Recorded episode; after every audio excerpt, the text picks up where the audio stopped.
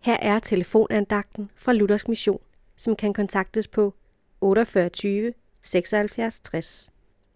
Andagtholderen i dag er Martin Osmundsen. I salme 3, vers 4 og 5 læser vi.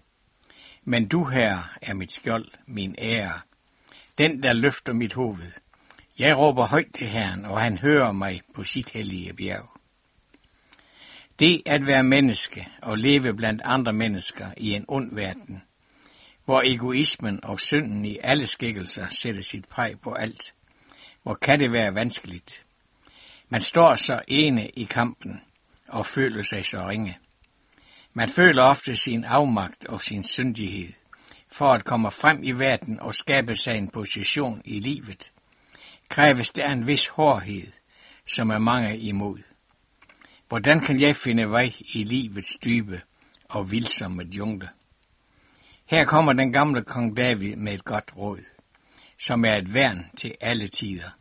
Her siger han, at Gud er hans skjold og hans ære, og at han er den, der løfter hans hoved.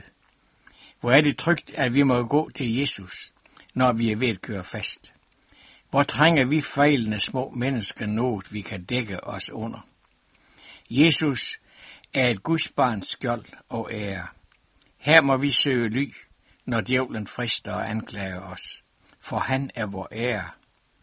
For at jeg må have lov til at kalde mig et gudsbarn, det skyldes ene og alene, at han er min frelser og hjælper, og som aldrig svigter mig. Derfor må vi takke ham og råbe højt af glæde. Amen.